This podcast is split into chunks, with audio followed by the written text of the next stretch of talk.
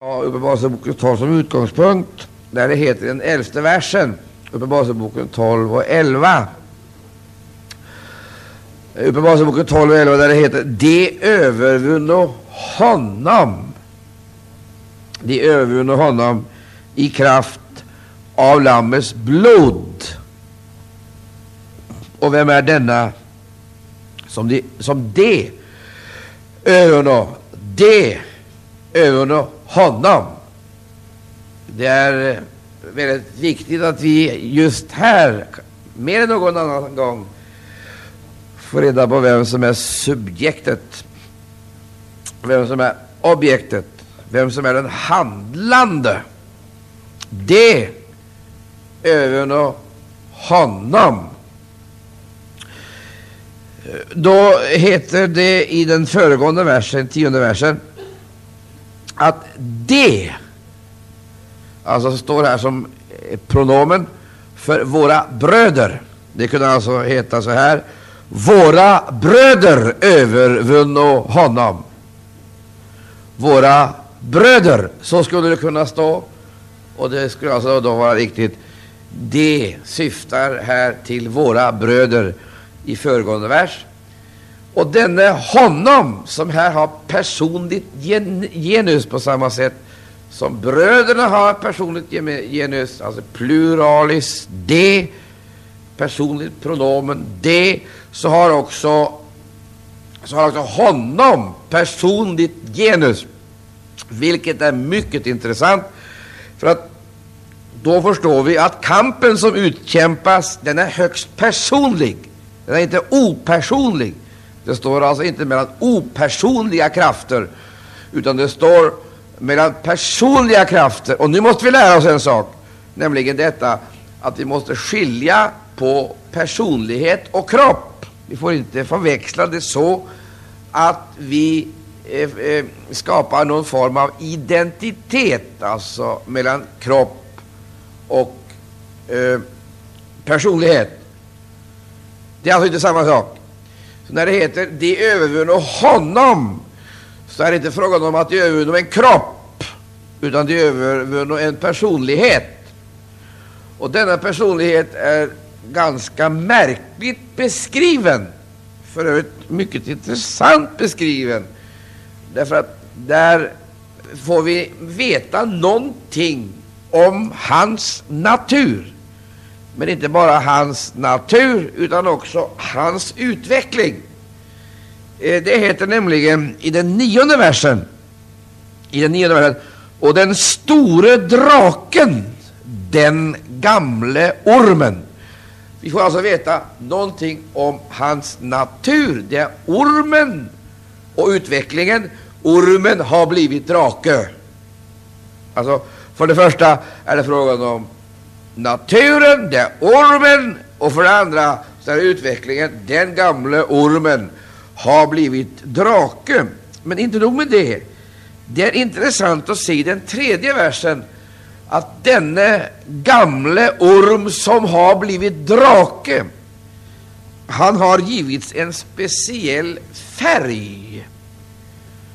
Alltså en speciell färg det heter nämligen, där syntes en stor röd drake. En stor röd drake. Där är det alltså inte längre frågan om natur och utveckling, utan där är det frågan om en kvalitet, en bestämd kvalitet eller egenskap. Och den här röda färgen är alltså inte ointressant, utan tvärtom den röda färgen kommer igen i flera sammanhang och har alltså sin speciella förklaring. Men det lämnar vi därhen eftersom det inte är intressant just ikväll. Då går vi tillbaka till versen som vi läste i eh, den elfte versen, alltså tolfte kapitel. Vi skulle alltså kunna läsa så här. Våra bröder övervunno den stora den stora röda draken, den gamle ormen, i kraft av Lammets blod. Men det räcker inte. Det räcker inte. det heter någonting mera. Det står inte alltså att han är orm och drake allenast, vilket som jag säger här uttalar en stor röd drake som samtidigt uttalar kvaliteter och egenskaper. Utan det står också i eh, den tionde versen våra bröders åklagare. Då har vi fått ett förtydligande och vi går metodiskt tillväga nu för att vi ska få förstå hela det här sammanhanget och inte bara det här sammanhanget utan få en helhetsbild utav den beskrivning som Bibeln dels gör Eh, på draken och hans rejäla, hans verkliga motståndare och dessutom var dessa motståndare finns någonstans. För att det sägs ju att det visade tecken i himlen. Han kastades ner ut ur himlen, det vill säga han suspenderas och degraderas och detroniseras. Men det innebär inte att han förlorar all sin makt, utan han kastas ut ifrån tronhimmel, ifrån den himmelska härligheten ned i luftrummet och får sin bas alltså i luftrummet.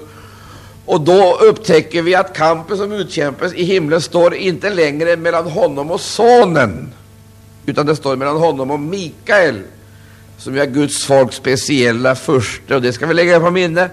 Det är alltså inte mellan honom och sonen, den smorde, i den här striden utkämpas, utan det är mellan honom och Mikael. Han kastas ut och han drar med sig en tredjedel av änglaskaran, och det gör han med sin stjärt.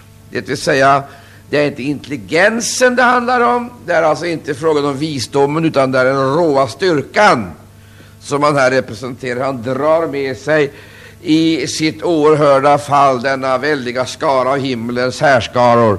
Och så då skapar han en ny bas i himlarummet. Och utifrån himlarummet kommer han då att ha kontroll, skulle vi kunna säga, en kontroll utöver hela, över hela jorden. Eh, sen så upptäcker vi att han är i konflikt med eh, de här bröderna. Och det är inte vilken konflikt som helst. Det är en rättsstrid, en rättslig strid. Och därför så träder han fram här i det tionde kapitlet, i den tionde versen, som våra bröders åklagare. Åklagare. Och då går vi tillbaka till den elfte versen. Och då kan vi säga så här. De övervunno den röde draken, den store röde draken, den gamle ormen, åklagaren. Eller våra bröder övervunno den store röde draken, den gamle ormen, i kraft av Lammets blod och i kraft av sitt vittnesbördsord. Vi observerar, de övervinner honom. Det är alltså en strid på det personliga planet.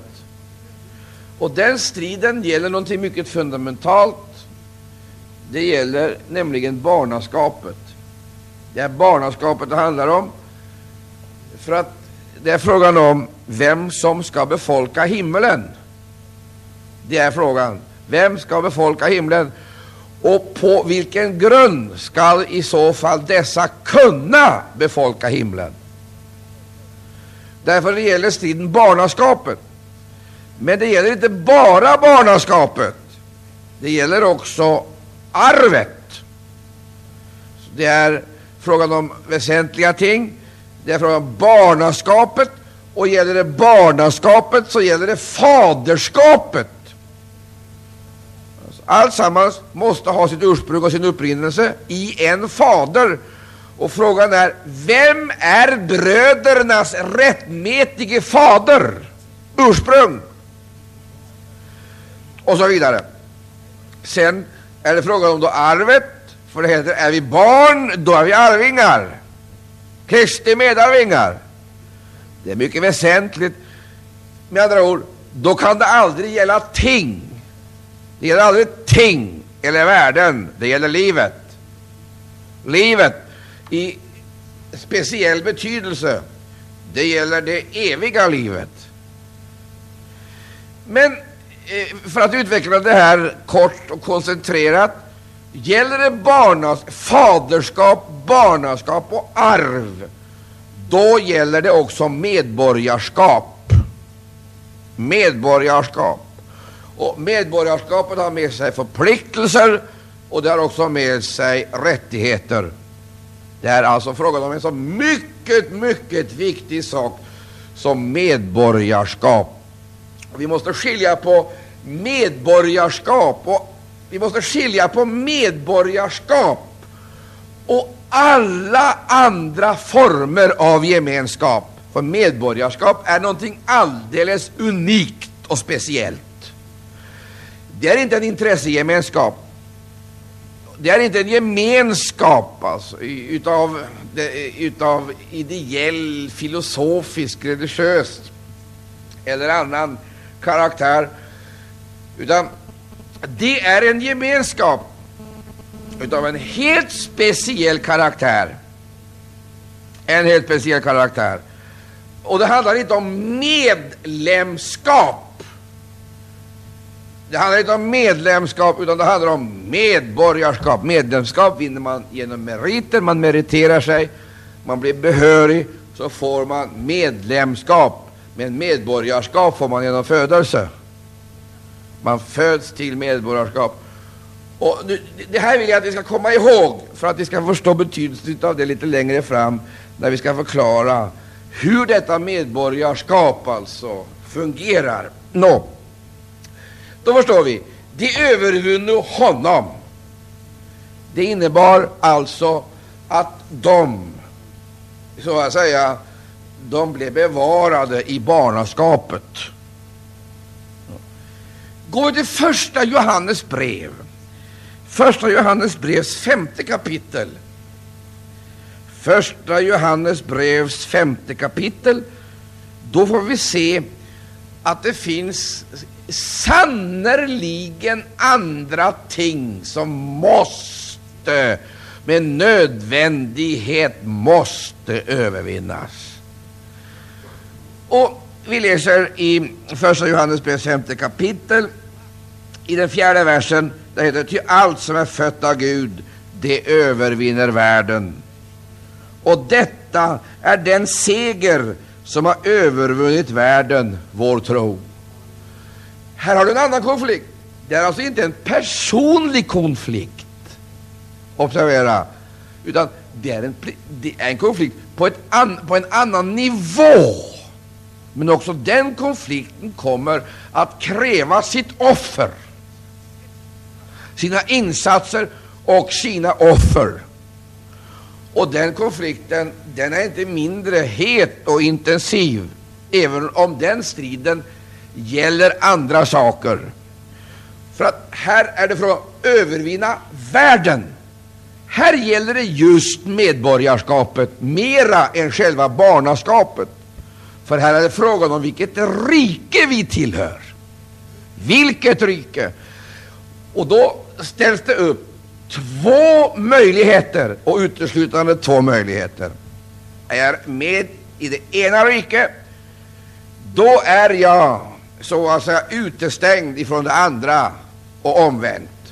Och för att vi ska kunna förstå det här så ska vi gå till Matteus evangelium. Matteus evangeliums tolfte kapitel där vi ska läsa med varandra någonting alldeles kolossalt spännande. Ja, jag vill säga att det är spännande. I det tolfte kapitlet där sägs det så här att i den 22 versen av 12 kapitel, då förde man till honom en besatt som var blind och dövstum, och han botade honom så att den dövstumme talade och såg. Och lägger du märke till att det står en besatt? En besatt. Vad är det här för någonting? Nu måste ni lyssna noga till vad jag säger, för nu kommer jag väcka hos er tankar som ni förmodligen aldrig har reflekterat över tidigare. Vad är en besatt? Svara mig på det. Det vill säga, han hade organen, ögonen, han hade munnen, han hade öronen, han hade organen, men saknade funktionen. Och detta var orsakat av att någonting hade stört. Inte förstört, men stört dessa organ. Och det var frågan om en besättelse. Detta är ett utav de många typiska misslyckade exempel på Satans egentliga och verkliga avsikter. Ty, ni, förstå, ni, ni ska komma ihåg en sak. Då, då, Satan har inget som helst intresse av alkoholism och narkomani. Vi tror det. Vi säger så här. Där ser vi Satans gärningar, säger vi, när en människa har råkat i alkoholismens armar eller klor eller narkomani. Visst inte. Visst inte. Satan har ett jättelikt problem, och det problemet har han gemensamt med Gud. Och vad är det för någonting? Han har ett förfärligt dåligt material att arbeta med. Ett ohyggligt dåligt material. Han har oerhörda avsikter, och hans avsikter är aldrig att underbjuda Gud, utan ständigt att överbjuda. Och hans avsikt, det är icke att skapa kadaver, sociala eller andra. Han vill skapa fulländade övermänniskor. Hans avsikt det är att skapa övermänniskor, överintelligenta, hyperintelligenta människor. Det är det han vill, men han har ett dåligt material. Gud har samma dåliga material, men han har något som Satan saknar. Gud har den skapande makten. Satan kan inte skapa någonting. Det kan han inte göra. Han kan, form, han kan inte formera och ej heller reformera någonting av det Gud har gjort. Han kan bara deformera det. Och hur gör han då? Han går till väga på så sätt att han spränger, söker spränga människans begränsning. Han försöker att spränga det på olika sätt, ibland som här genom besättelse. Vad han vill det är att skapa en hyperintelligent människa. Vad han vill, det är hela tiden att spränga de normala gränserna, så vi får själskrafter och förmögenheter som är alldeles oerhörda. Men då hände det olyckliga.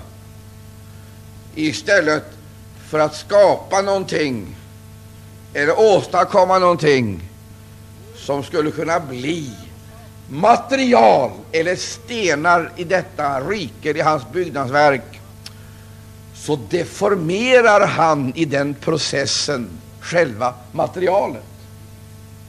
Han deformerar det. Går det inte med andligt inflytande, med inflytande alltså genom andemakter som blåser upp och inbillar och, och försöker så injicera högmod och stolthet och tuffhet och överlägsenhet och moral och så vidare. Går det inte, då använder han sig utav andra medel, exempelvis kemiska preparat är inte ovanligt. Och de kemiska preparaten, narkotika, sprit, är ju vanligt till, vanligt till för att de vill spränga Hämningarna släpper och man vill spränga sin begränsning. Man vill överträffa sig på konst, konstnärligt, kulturellt, musikaliskt, på alla områden. Man måste ha det här för att kunna överträffa, spränga sin mänskliga begränsning. För att bli super, över, överlägsen. Eller vinna framgång och bli stjärna. De kristna bedrar sig väldigt ofta här. Därför att de tittar på moralen och dömer människor utifrån deras moral. Och så glömmer de att moralen den har egentligen sina rötter i köttet. De, de dömer, fördömer lösaktigheten och så säger de lösaktigheten säger de, den har sin upprinnelse i köttet. Men så glömmer de en sak. Moralen, det är ingenting annat än det betvingade köttet. Lösaktigheten, det är det befriade köttet. Men båda två, det är köttet. Det ena fallet är det betvingade köttet, som man exempelvis med religionens hjälp betvingar, eller med någonting annat. Eller lösaktigheten, det är det befriade köttet. Det är likadant vad det gäller kultur. Vi förväxlar kultur och andlighet, och så tror vi att kultur, det är andligt. Kultur alltså, har sina rötter i köttet. Därför att kulturen, det är det förfinade köttet. Förstår du det här? Ja. Och primitiv, primitivismen, det är bara det ursprungliga köttet. Så är det alltså i sitt ursprung. Men människan då eh, förfinas genom exempelvis olika saker. Hon förfinar sig genom bildning. Hon här köttet. Och så vidare. Så arbetar de med det. Men det är bara det är köttet. Och då är jag inne på den tredje sidan där. Men innan jag kommer dit så måste jag förklara för dig. Det är väldigt viktigt att du gör klart för dig. Satans avsikt är ingenting annat än att skapa supermänniskan. Men han misslyckats på grund av det dåliga materialet. Gud är väl medveten om detta. Vet du vad han gör? Istället för att försöka förfina, förbättra, moralisera och kvalificera köttet, så spolar han det. Halleluja. Och så föder han på nytt en ny människa. Stämmer det? Så säger jag amen. Han föder människan på nytt. Och vet du hur långt han går? Han går ända dithän att han dödförklarar hela den gamla skapelsen och påbjuder att denna gamla skapelse, hon skall under högtidliga former viglas åt döden. Hon är inte värd någonting annat. Det är denna arma gamla människa som Satan ska ta hand om och bygga upp sitt världsrike. Du begriper hur det går. Vad har han till sitt förfogande? Den gamla människan. Hans stora problem, det är människan. Människan är lika svår för djävulen som hon är för Gud, ska du veta. Och han, är, han har åtagit sig en fullständigt hopplös uppgift. Och då han en och annan gång lyckas att få fram någonting som ser väldigt bra ut, så bryts det helt tvärt. Vad då utav? Den biologiska döden. Då plockas de bort, en och en. Och var försvinner de någonstans? Då försvinner de in i ett rike som icke är hans där han icke har något inflytande. Vet du vad Gud gör? När tiden är inne för hans folk, då plockar han hem dem. Plockar hem dem till himlen. Han plockar hem dem. Och sen så säger han, bara vänta nu så ska vi återvända till jorden. När han har spelat ut alla sina krafter och alla sina resurser, då kommer Guds folk tillbaka. Stämmer inte det? Då kommer han med konungarnas konung och sätter sina fötter på Oljeberget. Han kommer med alla himlens härliga härskaror. Ja. Vad är det som sker? Jo, Satan får lämna människorna vid dödsriket, för han har inte nyckel till döden och dödsriket längre. Han är, inte, han är inte konung där ens en gång. Han har fått lämna nycklar till döden och dödsriket. Så när så att säga, människorna lämnar tiden, då är de ute ur hans, borta ifrån hans räckvidd kan aldrig komma åt dem. Men Gud, han plockar hem dem. Undan för undan. Ära vare Gud. Ära vare Gud. Och medan då Satan ska försöka göra någonting utan gamla människor, så föder Gud ständigt nya på nytt. Föder den på nytt. Till ett levande hopp. Och han har ju ett evigt problem med det här djävulen. Det blir ju ständigt fler och fler och fler och fler. Och En på nytt född är farligare än hundratusen opånyttfödda. Ja. Förstår du det? En på nytt född är mycket farligare för Satan än exempelvis hundratusen idealister. Vad har de för någonting att räkna med? Köttet. Och tidsåldern. Och så lägger man till världens ande, världens visdom, världens väsende. Alltså världens väsen, världens tidsålder. Men vad har Guds folk att säga? Guds ande, Guds visdom, Guds härlighet, Guds skaparmakt. Och det, där, det, där, det, aldrig, det går aldrig att övervinna en kristen. Det finns inga möjligheter. Man kan ta en kristens biologiska liv, men det är det att övervinna. Visst inte. Det, att övervinna en kristen, det är att beröva en kristen tron. Då har man övervunnit kristen. Men om man har bevarat tron, då sker bara en befordran hem i härligheten. Eh, men vänta bara, det är bara temporärt. Vi kommer igen. Vi kommer igen. Vi ska tillbaka till jorden. Och han ska upprätta nya himlar och ny jord. Stämmer det, säger han. Men jag är så inspirerad av det här budskapet så jag kan flyga i taket. Jag tycker att det är så fenomenalt att se Guds gärning. Tycker du det? Säger amen. Ära vare Gud för hans underbara kraft. Nu ska vi se det här ur en, hel, ur en helt annan synpunkt, som också är väldigt spännande och intressant. Nu, nu ser vi alltså, den här besatte, han var djävulens misslyckande. Tänk om han från barnaskapet hade fått honom, utveckla honom. Det, det, det här. Alltså, hans själskrafter och förmögenheter så hade sprängt alla mänskliga gränser. Vi står. Istället så förstör han. Vad blir resultatet? Ser ingenting, hör ingenting, kan inte prata ett ord. Men det är det Bibeln säger om mänskligheten. Den är förmörkad till sitt förstånd. Förmör det vill säga, hjärnan är fördärvad. Den är så förstörd att på samma sätt som den besatte här inte kunde tala ett ord, inte kunde se en skapelse eller en människa, eller höra någonting, på samma sätt är hjärnan död för alla andliga verkligheter. Varför? Satan har experimenterat med henne under årtusenden. Experimenterat.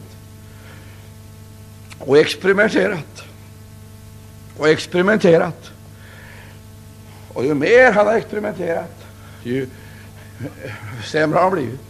Och när hon har nått alldeles botten, totalt botten, total bankrutt. Alltså, vet du vad människan säger då? Då kallar hon sig upplyst. Och då blir hon doktor och professor. Då har hon nått alldeles botten. Fullständig bottennivå. Ja. vet du vad Bibeln kallar henne för? Världens mäktige. Vet du vad Gud har gjort med världens mäktige? Han har idiotförklarat dem. Ty eftersom denne världens vise i sin visdom inte lärde känna Gud i hans visdom, så lät Gud genom korsets predikan frälsa dem som tror. Vad gjorde han? Han idiotförklarade alla världens visa. Suspenderade dem avseende på frälsningen totalt. Men inte nog med det, inte bara den världens visa. Det är inte samma som kunskap, alltså, visdom, utan den här världens visdom. Så den där världens mäktige. Icke många mäktiga, icke. Men det som är världen, det som är världen, alltså, det heter det som är världen. Bibeln talar aldrig om en människa som inget värde. Alltså, utifrån evighetssynpunkt liksom i världen. Det, står inte, det som på jorden ingenting var, står det inte. Men det som i världens ögon, världen, det rike som är Satans rike, icke var värt någonting, det utvalde Gud. för att han skulle göra det som var någonting. Det skulle göra till skam. Vad har Gud gjort? Han har idiotförklarat det visa och så har han ställt de mäktiga skamvrån. Kan man göra det bättre? Aldrig liv. Han idiotförklarar alla de visa. Gud. För att de i sin visdom inte lärde känna Gud. Ja. Och det som i världen var skam, det utvalde Han ställde de mäktiga i skamvrån. Vad berodde detta på? Det berodde på det här förhållandet. Satan ville ha fram perfekta, absoluta, det bästa. Han lyckades inte. Nej, lyckades inte. Och världen hade inga resurser att klara av det. Följaktligen fanns det bara en sak. De föll igenom, sorterades ut. Och så kommer Gud med korsets predikan. Plockar upp dem. Halleluja! Tar ut dem och utväljer dem till barnaskap hos Gud. Och ställer han fram dem. Vad då så? Han ställer fram dem som förebilder och föredömen, som prototyper på sanna människor. och gör dem så dugliga så att de inte endast är passande för världen eller passande på jorden, utan de är väl förberedda för himmelen.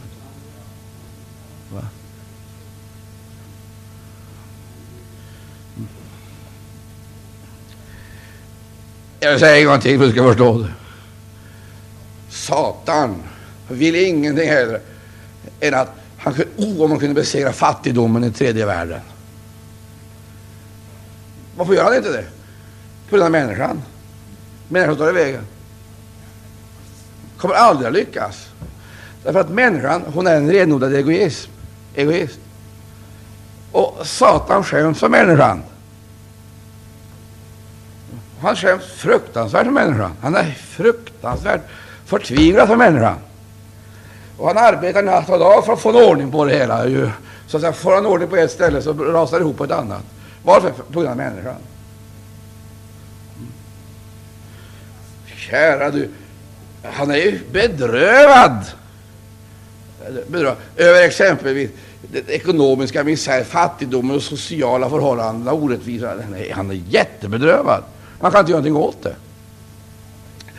För problemet är alltså inte primärt system och strukturer, utan det är människan själv.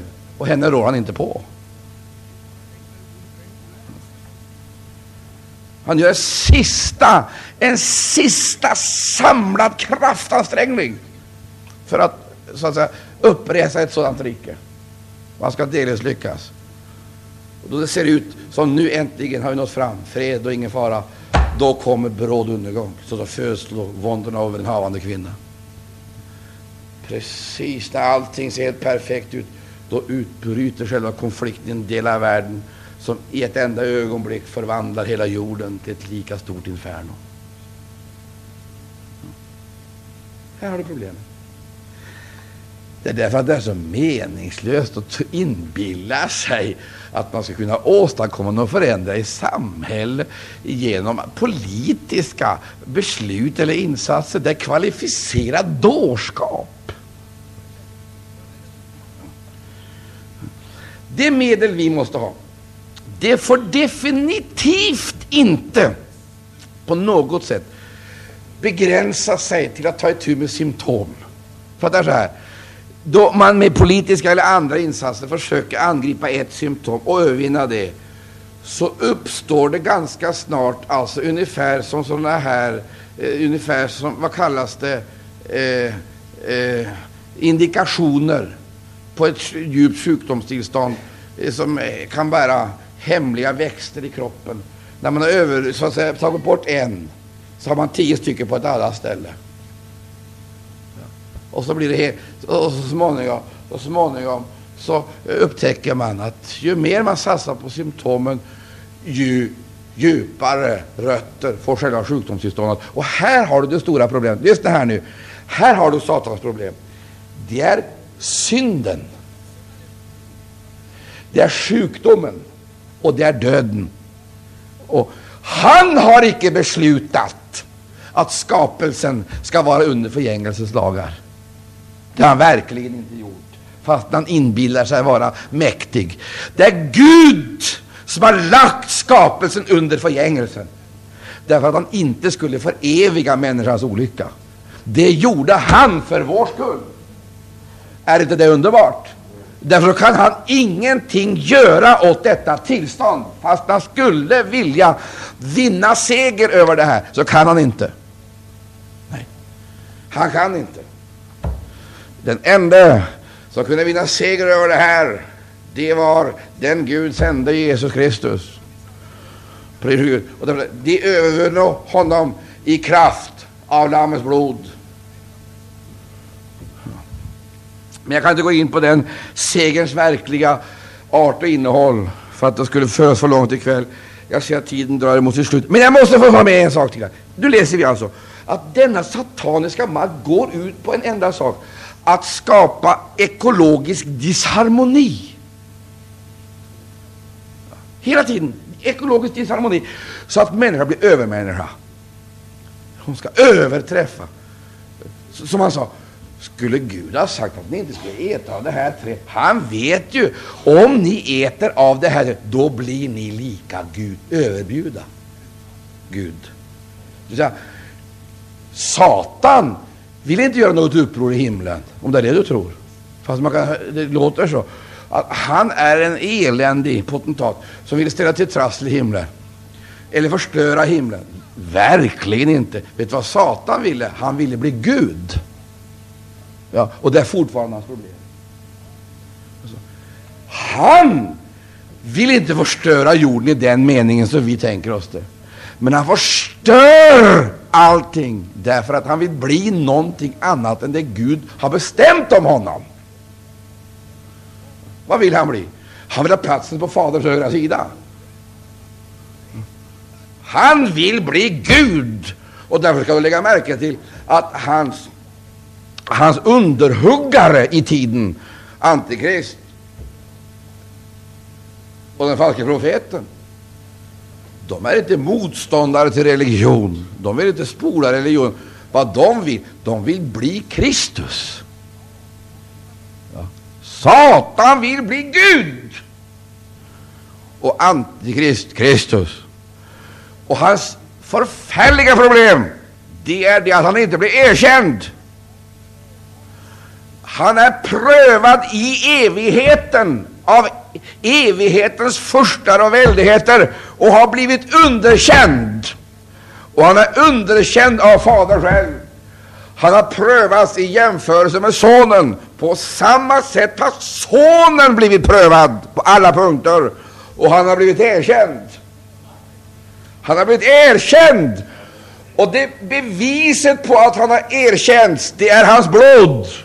Han har granskats noga, både med avseende på sitt liv före tiden och med avseende på sitt liv i tiden och med avseende på sitt liv efter uppståndelsen från de döda har han prövats och han har funnits vara värdig. värdig. Men striden gäller det här. För det står nämligen i samma kapitel, så står det så här, i samma kapitel så står det så här att eh, eh, i Uppenbarelsebokens tolfte kapitel. Ni behöver inte bläddra dit, jag läser det. Uh, jag tror att ni kommer att uppbygga er hemma och läsa det här för er själva sedan. För det heter så här. Nu har frälsningen och makten och riket blivit vår Gud. Nu har inte frälsningen tillhört Gud hela tiden. Nu! Alltså, ditt liv och mitt låg i vågskålen. Den saken är säker. Men det var inte bara ditt liv och mitt liv som låg i vågskålen, utan sonen och Lucifer var också i vågskålen. Ja, och ända till dess att allt var prövat så var det ganska oklart med avseende på vår frälsning. Ganska oklart. Även om Gud visste, så var det oklart. Det vill säga, frågan var vem frälsningen tillhörde. Gud eller djävulen. Vad var det som avgjorde vem frälsningen tillhörde? Det var blodet, Sonens blod. Och det som i det sammanhanget kom att ha helt avgörande betydelse, det var faderskapet och barnaskapet. Därför att Jesus var sin faders son. Ära vare Gud. Därför att nu, sen blodet är framfört, är inget tvivel längre. Nu är frälsningen i Guds hand. Nu är vi i Guds hand. Nu kan ingen åklagare rycka oss därifrån. Därför att nu är frälsningen i hans hand. Makten, riket och härligheten. Stämmer det? Säg amen. Det är i Guds hand. Så halleluja, halleluja, halleluja. Vad, som är, vad är det då som sker? Jo, Satan kastas ut och församlingen kommer upp. Oh, bara si kalamadabra si filividio. En förfärlig maktförskjutning äger rum. Och vem är det som träder fram och säger När allt sammans är avgjort, allt har legat här och varit andlös tystnad, fullständig tystnad i himmelen. Man har tittat mätt, värderat, så att säga. Då fäller Fadern sitt slut på rättfärdiga grunder, objektiva grunder. Och så erkännes blodet som frälsningsmedel. Halleluja. Då kommer Mikael fram och då säger han åt fadern. nu är ditt ämbete nedlagt. Hur så? Det är nedlagt. Därför att du har agerat på orättfärdiga grunder. Vilka grunder? På orättfärdiga grunder. Du har anklagat bröderna, men inte bara bröderna. Du har medverkat till att sonen har blivit dödad. Du har hävdat. Du har medverkat. Du är upprinnelsen till ett justitiemord. Du har medverkat till att sonen kastades i dödsriket. Hela ditt ämbete är baserat på en orättfärdig grund. Från och med nu är ditt ämbete nedlagt. Du är diskvalificerad inför förstan och väldigheterna i höjden och har ingen rätt till evigheten tillsammans med Guds folk. Ut! Och då tänkte han, inte utan protester, så bjöd han timrade sista motståndet, inte i huvudet, inte i hjärtat, men i stjärten. Det var, inte, det var alltså inte intelligens och barmhärtighet. Nej, det var inte rätt och trofasthet. Nej, det var rå styrka som han demonstrerade i sin sista attack. Men då sa Mikael, nu är slut, farväl. Pris Gud. Och så träder bröderna fram utan åklagare iklädda Kristi härlighet i himlen. Och de sjunger himlens lov, Mose och lammsång sång på ett sätt som det icke finns något som helst jämförelse med. Alltså, det är ju fantastiskt. Det är någonting helt enormt. Ja.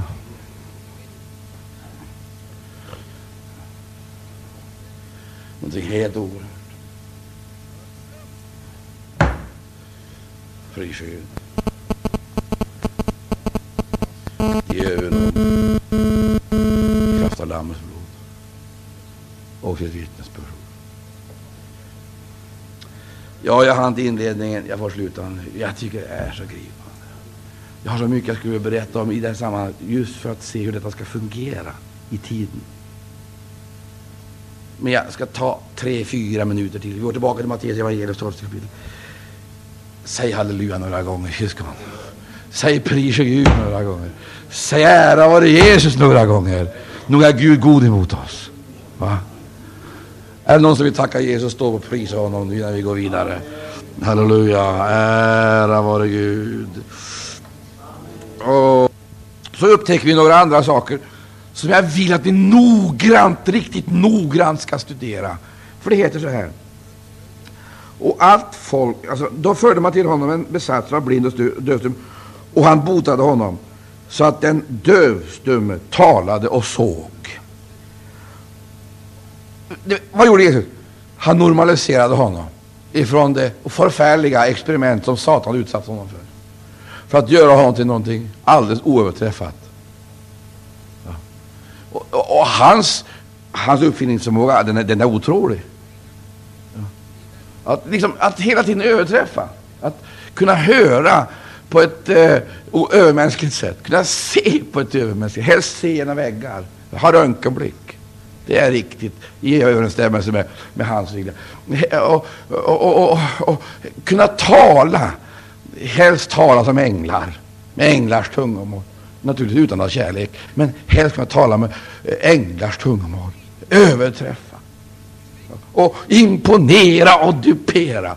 Han är en trollkonstnär när det gäller uppfinningsrikedom, förstår du och helst kunna höra ända. Man skulle kunna, helst med öronen, de här öronen, kunna höra ända in i himlen vad Gud, Fadern, säger till Son där uppe. Det, det, är, det är i stil, så att säga, med, med honom. Det är därför, det är därför som Bibeln varnar oss för att fresta Kristus. Han frestar ständigt Gud genom att överbjuda. Han ville vi att vi skulle ha öron, förstår du, så vi kunde höra ända in i himlen. Vet du vad Jesus säger? Den som har öra, han höre. Det är ett märkligt språk. Man måste rikta örat åt rätt håll. Alltså. För det är inte så säkert att man kan höra allt som finns.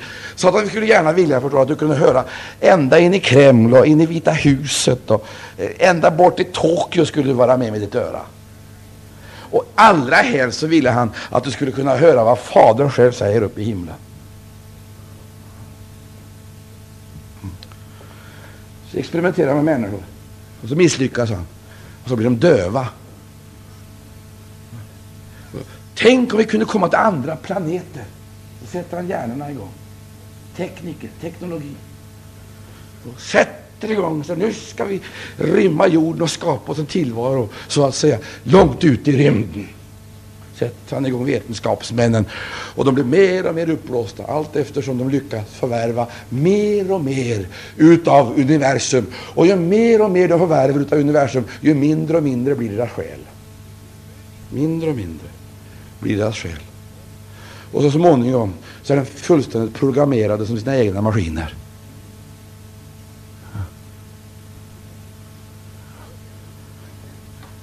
Det är hans olycka.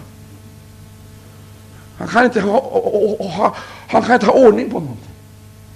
Ha harmoni på någonting. Men Guds rike, det, Guds rike består inte i ord. Nej. Utan Guds rike består i, i kraft, energi. Det är ju energin som bestämmer utvecklingen i samhället. Hög eller lågenergisamhälle. Ju mer energi du har, ju högre standard har du. Ju mer energi församlingen har, ju högre andlig standard har den. Stämmer inte det? Vi måste komma in i högenergisamhället och få mycket olja. Ja. Oljan blir dyrare och dyrare. Men vi som lever trons liv, för oss finns det inget offer för högt. Inget offer för stort. Men så har vi heller ingen brist på olja. Vi har ständigt att betala med. Vadå? Trons egna resurser. Som aldrig drar sig tillbaka. Som ständigt får fram offer. Trons egna resurser. Det får kosta vad det vill. Trons egna resurser. Halleluja, för fram vad som behövs och så kommer oljan. Så får vi lite högenergiförsamling. Och högenergiförsamling, det är inte att få ett, ett för kort ben längre. Eller ramla i golvet. Det Ska du tro. En högenergiförsamling, det är att uppleva förebyggande hälsa så att man inte blir sjuk. Man behöver inte vårdinrättningar, vårdavdelningar och eh, fältlasarett och det där, därför att man lever i anden och är frisk. Jag, jag tror att det är så här. Jag tror att Gud vill att vi ska vara friska. Men vi blir lurade. Men församlingen är ett högenergisamhälle. Det är först så att säga, som vi inte har någonting att betala, inget offer att ge, så vi börjar fundera om vi inte istället kan använda kol. Eller fossila, andra fossila brännämnen, ved, så måste vi ut i, så måste vi ut i skogen för att hugga.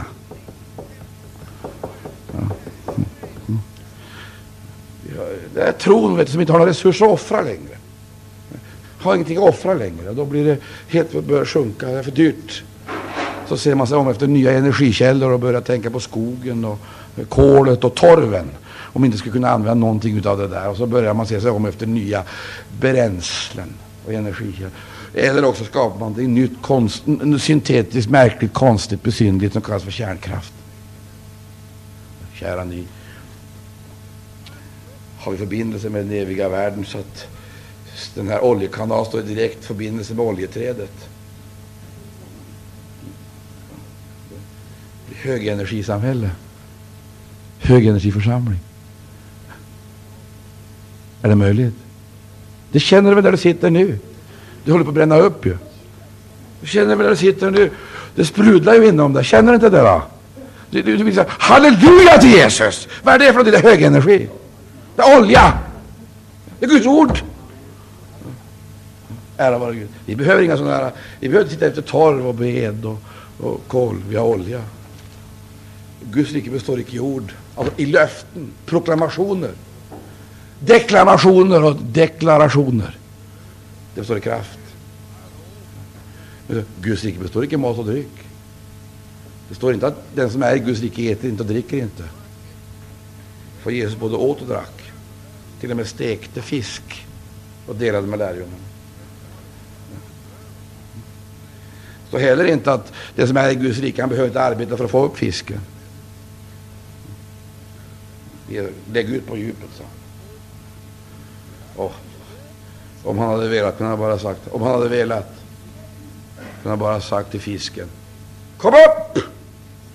Och fiskstimmet hade flugit upp och lagt sig till rätta i pannan.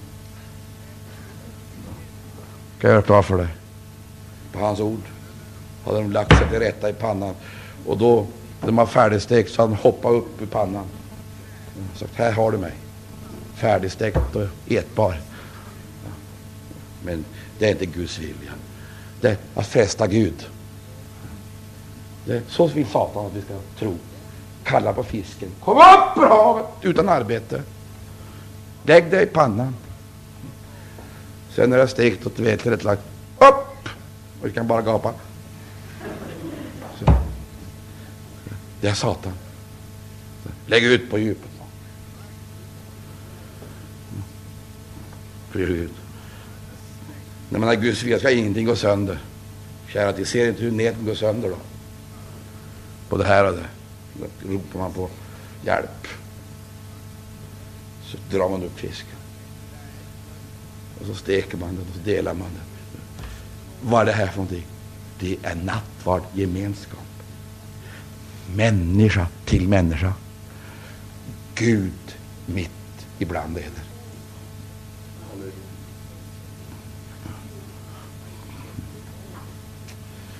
Helt fenomenalt. Åh, käre Gud. Det är så suveränt så att man kan inte begripa det här. Att det är möjligt. Att man kan ha det så här. Va? Så fint. Så välordnat. Ja. Tillrättalagt. I hans tjänst och i hans välsignade gemenskap. Pris Gud. Du, försök inte bli något annat än människor. Guds problem, det är inte att göra oss till änglar. Det är att göra oss till människor. Det är det Satan aldrig lyckas med.